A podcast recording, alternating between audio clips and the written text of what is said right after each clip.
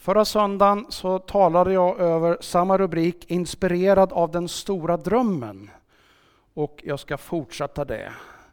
Så kan vi väl fundera över ingångsvärdet. Vi ska tala om Uppenbarelseboken och ingångsvärdet som jag vill skicka med in i den här predikan och när jag har läst den här boken under sommaren, jag har spenderat rätt mycket tid kring det.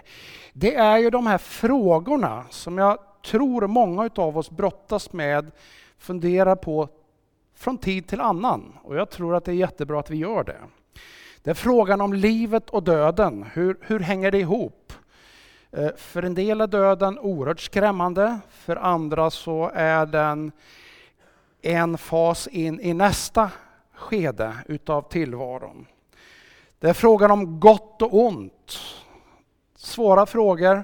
Varför tillåter Gud onda saker? Och jag har inte långt ifrån alla svar på det här.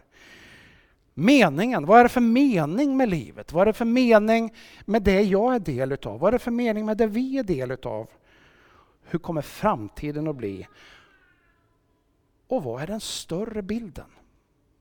Vi lever ju vårt liv och ibland så kan vi liksom tendera till att bli vara närblinda eller hemmablinda i det vi står i. Men vad är den större bilden? Den som vi också behöver ha lite perspektiv. Det här är några ingångsvärden i den här predikan. Och förra gången så talade vi ifrån ett antal scener i Uppenbarelseboken. Och vad är då Uppenbarelseboken? Uppenbarelseboken det är en bok som är väldigt speciell. Den, den hör till en speciell lit, eh, litteraturgenre kan man väl säga som var vanligt förekommande några hundra år före Kristus och även efter. Det är en bok som, som är skriven på ett sätt så att man behöver liksom kod, man behöver nycklar, alltså man behöver koder för att kunna låsa upp den till fullo. Och jag kan inte påstå att jag har alla koder, men eh, jag tror att vi ska fortsätta att titta på några sådana här spännande scener som ändå säger oss väldigt viktiga saker. Och jag vill säga idag, som jag sa förra gången, eh, jag har hämtat inspiration. Inspiration utav Mikael Telbe som är en eh, ledande teolog, forskare, bibellärare i våra pastorsutbildningar som vi är kopplade till. Och han har skrivit, han har forskat, han har skrivit om den här boken och också ger lite nycklar utifrån samtidens bildspråk, samtidens koder som gör det lite lättare att förstå. Johannes vet vi inte med säkerhet vem det är, men det kan mycket väl vara så att det är aposteln Johannes som Jesus eh, hade som en av sina lärjungar och apostlar sen. Eh, men bibelforskarna är inte helt säkra, men det kan mycket väl vara så. Hur som helst, Johannes han är en församlingsledare, han är en församlingsbyggare, han beskrivs i den här boken som profet och han får en syn. Och den här synen får han när han sitter fängslad på ön Patmos. Alltså han har fängslad för trons skull, för evangeliets skull och vet inte om han kommer att bli frisläppt eller inte. Och där mitt i den här liksom, på ett sätt hopplösa situationen så får han möta en ängel och så får han möta Jesus. Och så är det som att himlen öppnar ett antal fönster för honom. Och han får se saker och ting som då ännu inte hade skett, några som faktiskt har skett. Och så får han ett uppdrag, det här ska du skriva. Och jag ska bara kort läsa några verser som introducerar det här. Första verserna i Uppenbarelseboken. Detta är Jesu Kristi uppenbarelse som Gud gav honom för att visa sina tjänare vad som snart måste ske. Han sände sin ängel och gjorde det känt för sin tjänare Johannes som har vittnat om Guds ord och Jesu Kristi vittnesbörd. Allt vad han själv har sett. Salig är den som läser upp det och saliga är de som lyssnar till profetians ord och tar vara på det som står skrivet i den, för tiden är nära. Alltså en profetia som är skriven lite kryptiskt. Och en bakgrund till att den är så kryptisk hänger samman med att den här tiden så var det romarrikets välde. Och den romerska kejsaren gjorde anspråk på att inte bara vara kejsare utan också vara Gud själv. Och det var alltså med risk för sitt eget liv som man utmanade det, eller sa något annat. Och det är ett av skälen till varför den här boken skrevs så kryptiskt. Det finns färger, det finns siffror, det finns bildspråk med djur av olika slag. Och alla de där bildar ett mönster. För den som vet om hur man ska tolka det så framstår bilden tydligare. Men för den som inte visste det, och sannolikt var det så här att de romerska härskarna, de hade inte den kunskapen. Och när de såg den här, ja men vadå, det här, det här är ju obegripligt, det måste vara ofarligt. Men för de som visste så betydde det något helt annat. Johannes får den här uppenbarelsen och jag vill ta er med till ytterligare några scener. Förra söndagen så tittade vi på ett antal scener som jag uppfattade som var ganska viktiga och definierande. Och jag vill ta er med er till ytterligare några scener idag. Men också en introduktion som är lite viktigt. Jag kan också säga så här att första delen i den här boken är riktade till ett antal församlingar. Jag tror det är sju församlingar i dåtidens miljö. Och det är som att de får sån här konstruktiv feedback. Alltså Jesus själv förmedlar via Johannes saker och ting till dem. Uppmuntran, men också hallå, här har du helt tappat bort dig. Gör om och gör rätt. Det är sånt där som är nyttigt, som hjälper oss att växa som individer och jag tror också som församling. Eh, vi ska ta något ifrån det där. Sen är det en ganska lång del som handlar om sigill, det handlar om bokrullar, det handlar om skålar, det handlar om änglar som kommer med basuner och så händer det olika saker. En del är väldigt uppmuntrande, en del är också ganska hemska saker. Det är mycket ondska. Och jag har valt medvetet, både i förra predikan och den här, att inte fokusera på de där jobbiga scenerna. Varför? Inte för att vi ska undvika dem, men därför att jag vet att de i historiens tillbaka, under min uppväxt och många med mig, har upplevt det där förmedlades på ett sätt som inte var uppbyggligt eller som var skräckfyllt. Och därför så vill jag ge en liten övervikt nu. Dessutom är det så här att mycket av det som beskrivs där, en del har redan hänt. Annat kan vi se. Det räcker att titta vad som händer i Ukraina just nu. Det räcker att titta ut över jorden vad som händer när det gäller torka, när det gäller klimatförändringar. Så har du berättelser i de texterna som kopplar rätt så tydligt på något vis. Så att den här ondskan som händer, kommer över världen, den ser vi. Det räcker att titta på nyheterna en gång, så har du redan fått en hel del. Och därför har jag valt att fokusera på några andra aspekter som jag tänker är än viktigare för Guds folk. Och jag vill börja då med några av de första verserna. Jag har läst det absolut första. Men här skriver Paulus liksom en introduktion och det är förlåt, Johannes skriver det, en, en programförklaring utifrån vad han får ifrån Jesus Kristus själv. Och det står så här. Från Johannes till de sju församlingarna i Asien. Nåd och frid från honom som är och som var och som kommer och från de sju andarna framför hans tron och från Jesus Kristus, det trovärdiga vittnet, den förstfödde från de döda och härskaren över jordens kungar. Han som älskar oss och har löst oss från våra synder med sitt blod och som har gjort oss till ett kungadöme, till präster och sin Gud och Fader. Honom tillhör härligheten och väldet i evigheters evigheter. Amen. Se, han kommer med molnen och varje öga ska se honom också det som har genomborrat honom. Och alla jordens stammar ska brista ut i klagan för hans skull. Ja, amen. Jag är A och O, säger Herren Gud, han som är och som var och som kommer, allhärskaren. Det är den första texten, lite programförklaringen och jag vill lyfta några saker ifrån den här första bilden här. Vad är det för någonting som egentligen sägs här? Vad är det för någonting som är värt, eller som jag i alla fall har valt att lyfta fram här? Ja, för det första är Jesus är, var och kommer. Vad betyder det? Ja, det betyder att han var och nu är han här.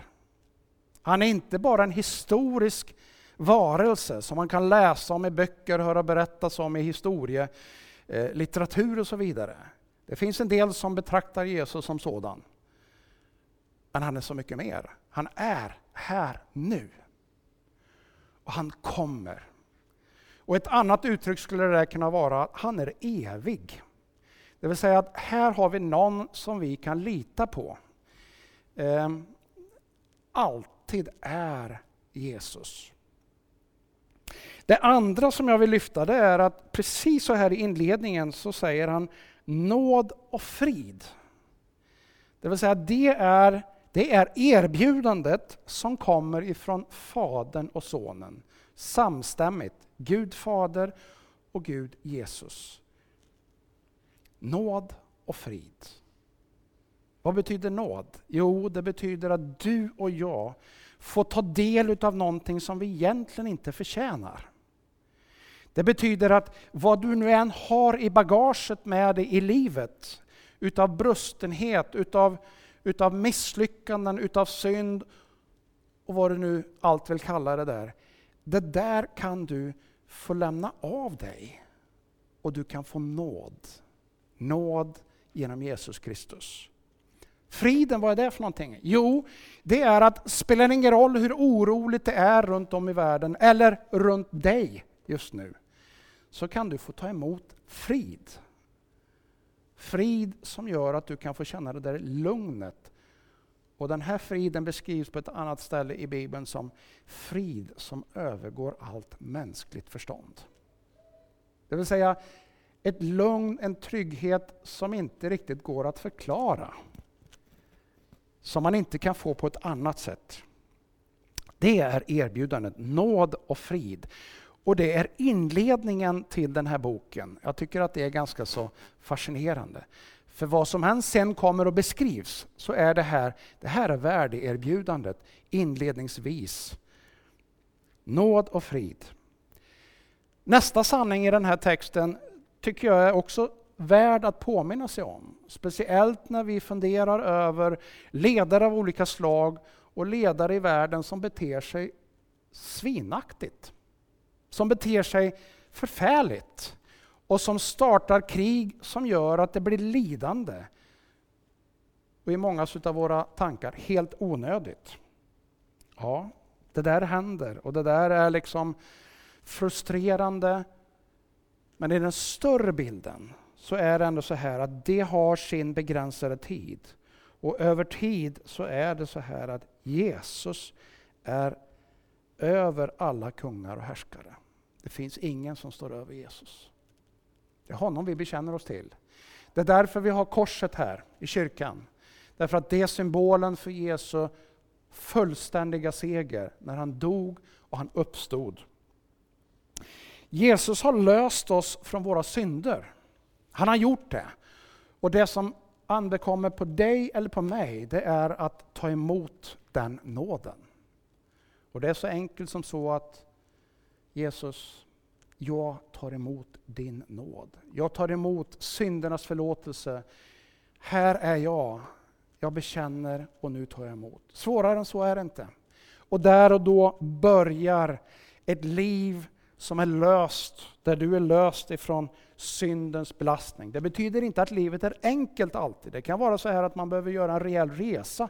Man kan behöva hjälp på olika sätt och liksom komma på stadiga ben. Men inför Gud och inför andevärlden och inför dig själv så påbörjar ett nytt liv där du är löst, där du är fri ifrån allt det som nu kan vara som du har med dig till last. Det sista som jag vill ta ifrån den här scenen, det är ju då, eller programförklaringen, det är att Jesus kommer med molnen och alla ska se honom. Bibeln återkommer till det och Jesus säger det själv. Jag kommer tillbaka. Paulus talar om det. Jesus kommer tillbaka. Han var här, han lämnar oss för att sitta med Fadern, men han kommer hit. Och bilden som, som, som beskrivs eller som ges är att han kommer för att hämta sin brud. Bruden, vilka är det? Jo, men det är alla troende, kyrkan, Guds folk, som på något vis har vänt sig till Gud och följer honom. Och det ska bli bröllop. Det är ju lite fascinerande att notera då att vad är det första undret Jesus gör? När han liksom kommer fram och gör sin praktiska programförklaring. Och det första undret är att han gör vatten till vin. Han är på en bröllopsfest. Och det förefaller som om att han liksom talar om att hörni, jag har kommit för att det ska bli ett stort bröllop. Och då ska det bli stor glädje. Och när man läser Uppenbarelseboken så får man den tydliga bilden igen. Det ska bli fest. Jesus började, han gjorde ett under där och då under sina aktiva gärningar. Och nu håller han på att förbereda för det ska bli fest igen. Bröllopsfest. Kan en bröllopsfest gå fel? Ja, det är inte, det är inte, inte lätt att en bröllopsfest går fel. För det är glädje och det är kärlek och det är liksom wow. Låt oss ta nästa text och det här är scen 5. Och nu undrar du vart var scen 1 till 4? Ja, de fanns i förra predikan för en vecka sedan. Och blir du nyfiken så kan jag rekommendera, de finns på nätet från och med ikväll klockan 18. Då kan du gå in och titta på karlstad.pingst.se. Där finns förra predikan och där kan du få ta del av de andra fyra scenerna. Och här står det så här då. Jag vände mig om, alltså Johannes vände sig om för att se rösten som talade till mig. Och när jag vände mig om såg jag sju lampställ av guld och mitt bland lampställen såg jag någon som var lik en människoson. I fotsid klädnad och med ett bälte av guld på bröstet. Hans huvud och hår var vitt som ull, som snö. Och hans ögon var som eldslågor. Hans fötter liknade gyllene brons när den glöder i smältugnen. Och hans röst var som rösten av stora vatten. I sin hand, högra hand höll han sju stjärnor och ur hans mun kom ett skarpt tveeggat svärd och hans ansikte var som solen när den lyser i sin kraft. Och när jag såg honom följa ner som död för hans fötter och han la sin högra hand på mig och sa Var inte rädd. Jag är den första och den siste, den som lever. Jag var död men se, jag lever i evigheters evighet och jag har nycklarna till döden och dödsriket. Skriv nu ner vad du har sett och vad som är och vad som ska ske härefter. En spännande bild igen, där Johannes får se Jesus själv. Och beskrivningen är så kraftfull, upplevelsen för Johannes är så kraftfull så att han liksom bländas, han drabbas och han liksom känner att jag maktar inte med det här. Han faller ner som död.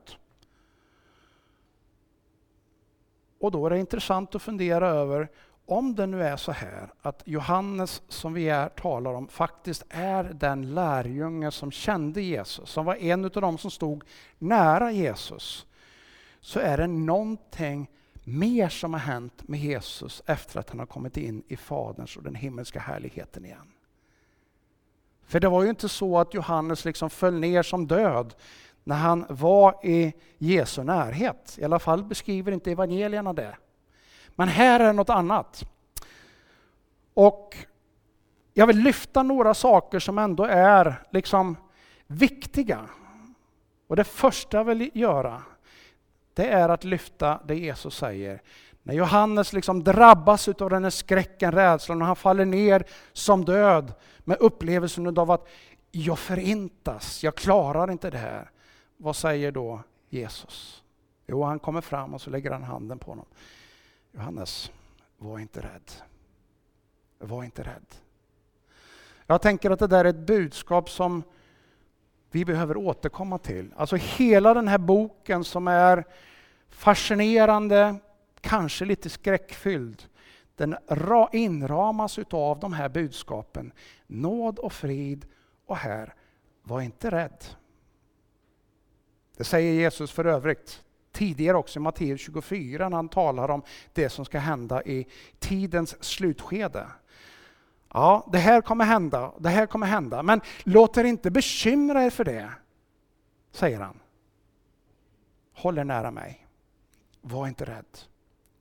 Och det här är budskapet som kommer här igen. Var inte rädd. Och sen säger Jesus, jag är den första och den siste och den som lever.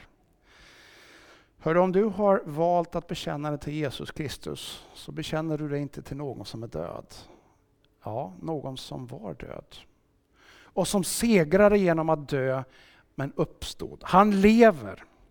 Jesus lever. Jesus är alltså den första och den sista och den som lever. Det vill säga att Jesus, den större bilden är att Jesus var med när allting började. Och Jesus är med när den här tidens liksom dras ihop på sig. Det som vi kan ana kanske håller på att hända. Jesus är den första och den sista. Budskapet är att du behöver inte bekymra dig, jag kommer att vara med. Och när Jesus, när Jesus lämnar sina lärjungar så säger han att gå ut och gör folk till lärjungar och jag är med er alla dagar till tidens slut. Det är budskapet. Och det är ungefär samma sak som Johannes får i den här synen, eller den här uppenbarelsen här. Jag lever, jag är med er. Och så säger Jesus så här att jag har nycklarna till döden och dödsriket. Är inte det häftigt? Han säger att jag har kontroll över, den som har nycklarna. Under den tiden när jag bodde i Tanzania så kunde det hända att man kom någonstans som man på ett kontor, myndighetskontor eller man skulle, man skulle liksom ha hjälp med någonting så var det inte ovanligt att beskedet kom, den som har nycklarna är inte här. Och så kunde man få vänta. Den kanske hade gått och druckit te någonstans och tagit med sig nycklarna eller något annat. Det vill säga att när nycklarna inte finns, då är liksom det stängt. Då är det inte möjligt. Men här säger Jesus, jag har nycklarna. Jag har kontroll över det här med döden. Jag tänker att det är väldigt hoppfullt. Det betyder för dig och mig att du och jag lever ett liv här och nu. Och det ska vi göra med glädje och med stort engagemang. Men det betyder att den dagen när vår tid är slut här och vi går in i döden så är det inte slut. Det är inte svart för evigt. Det betyder att Jesus öppnar öppnar döden, öppnar dödsriket för den som har tagit emot hans nåd. Det finns hopp. Det finns hopp om den större bilden och det större livet. Om du har nära och kära som har gått före dig in i den eviga tillvaron, då har du hopp om återseende. Ni ska få mötas igen. Varför? Därför att Jesus har nycklarna till döden och dödsriket. Och för dig och mig så handlar det om att hålla oss nära honom. Ta emot hans erbjudande och gå med honom. Vi tar nästa text. Utklipp utav det här Johannes får från första början. då. Skriv till församlingarna. Och jag vill bara uppmana er, läs de här texterna. Det är fascinerande. Det är både uppmuntran och det är lite grann att han tar dem i örat. Han talar om för dem och det är egentligen det som är det profetiska uppdraget. Det innehåller definitivt att visa på det som ska komma. Men det innehåller också att påminna när någon är på väg att gå fel. När någon har tappat fokus, när någon håller på att missa målet. Så har den profetiska uppdraget, den profetiska rösten till uppdrag av att hjälpa till och leda rätt igen. Och ibland kan den där upplevas lite smärtsamt. Men om du ser det i det större perspektivet så är det ju inte för att det ska göra ont. Det är inte för att det ska vara jobbigt, utan det är just för att ingen ska tappa bort sig. Ingen ska gå vilse. Och jag har valt tre texter här, vi läser de här. Först till Efesus, församlingen i Efesus. Du är uthållig och du har tålt mycket för mitt namns skull. Du har inte tröttnat, men det har jag emot dig, att du har övergett din första kärlek. Tänk på varifrån du har fallit och omvänd dig och gör samma gärningar som förr. Annars kommer jag och flyttar bort ditt lammställ om du inte omvänder dig.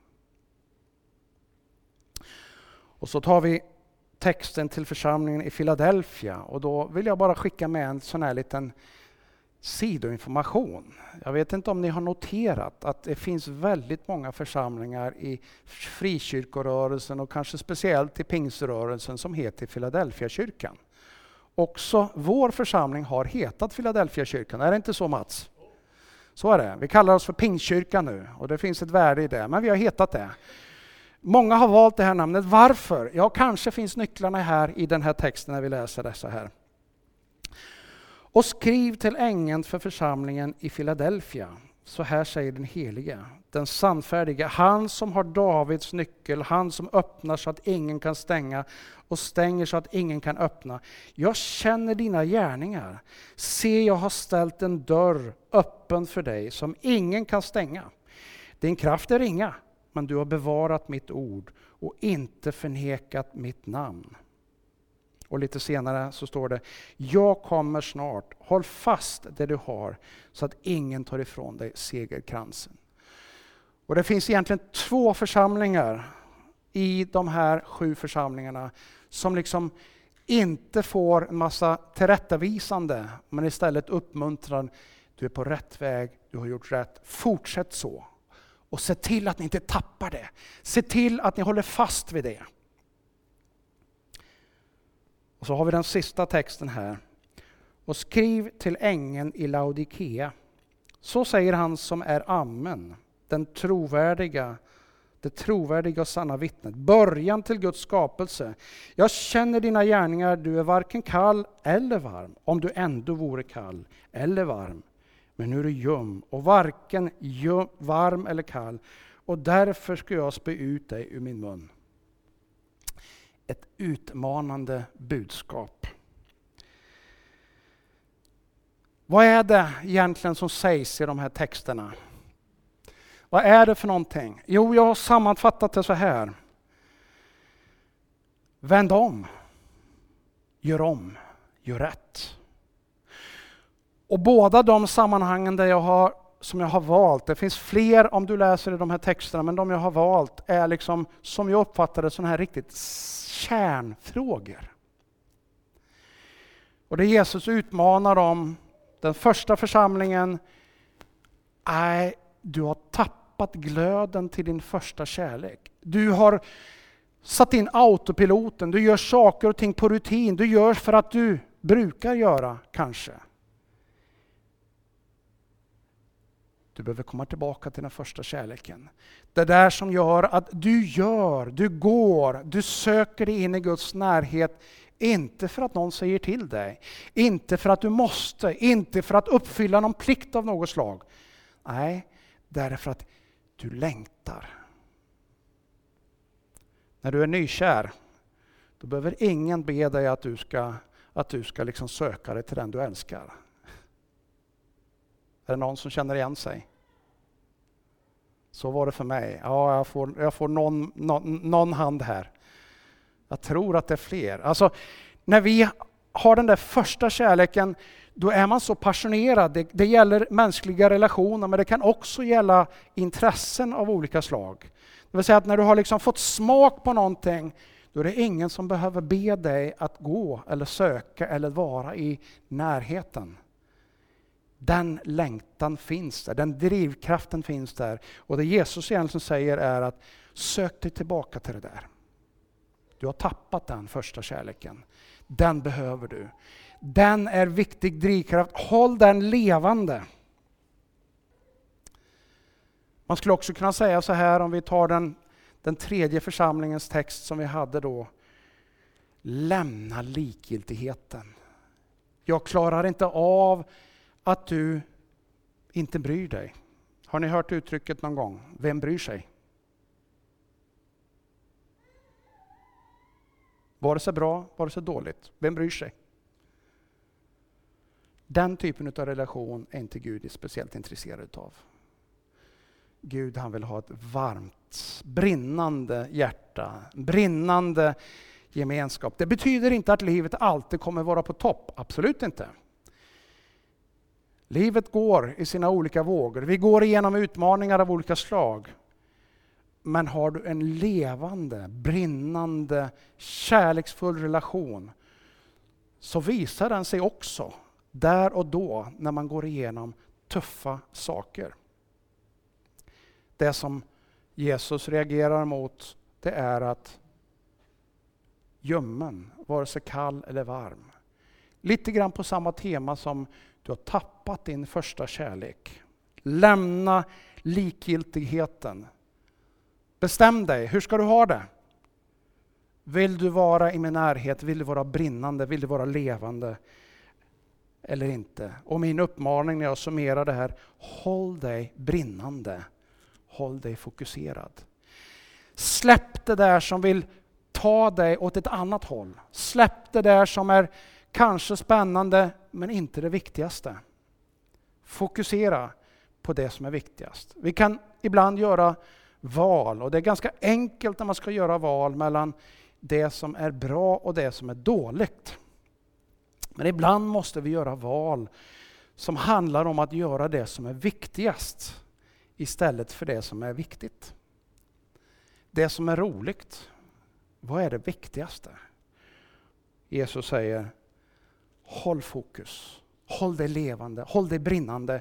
Ha fokus på mig. Det är egentligen det som hela den här boken handlar om.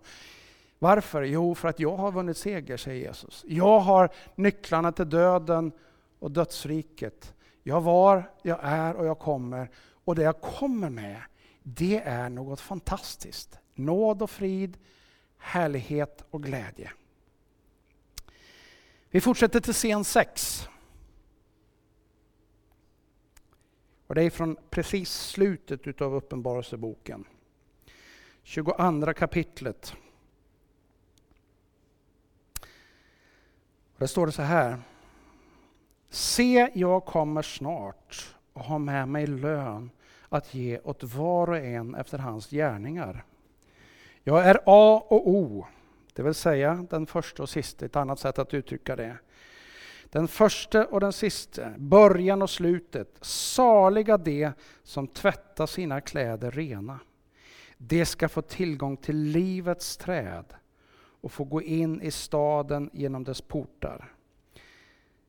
Men utanför är hundarna, trollkarlarna, hor, horkarlarna, och mördarna och avgudadirkarna och alla som älskar lögnen och lever i den.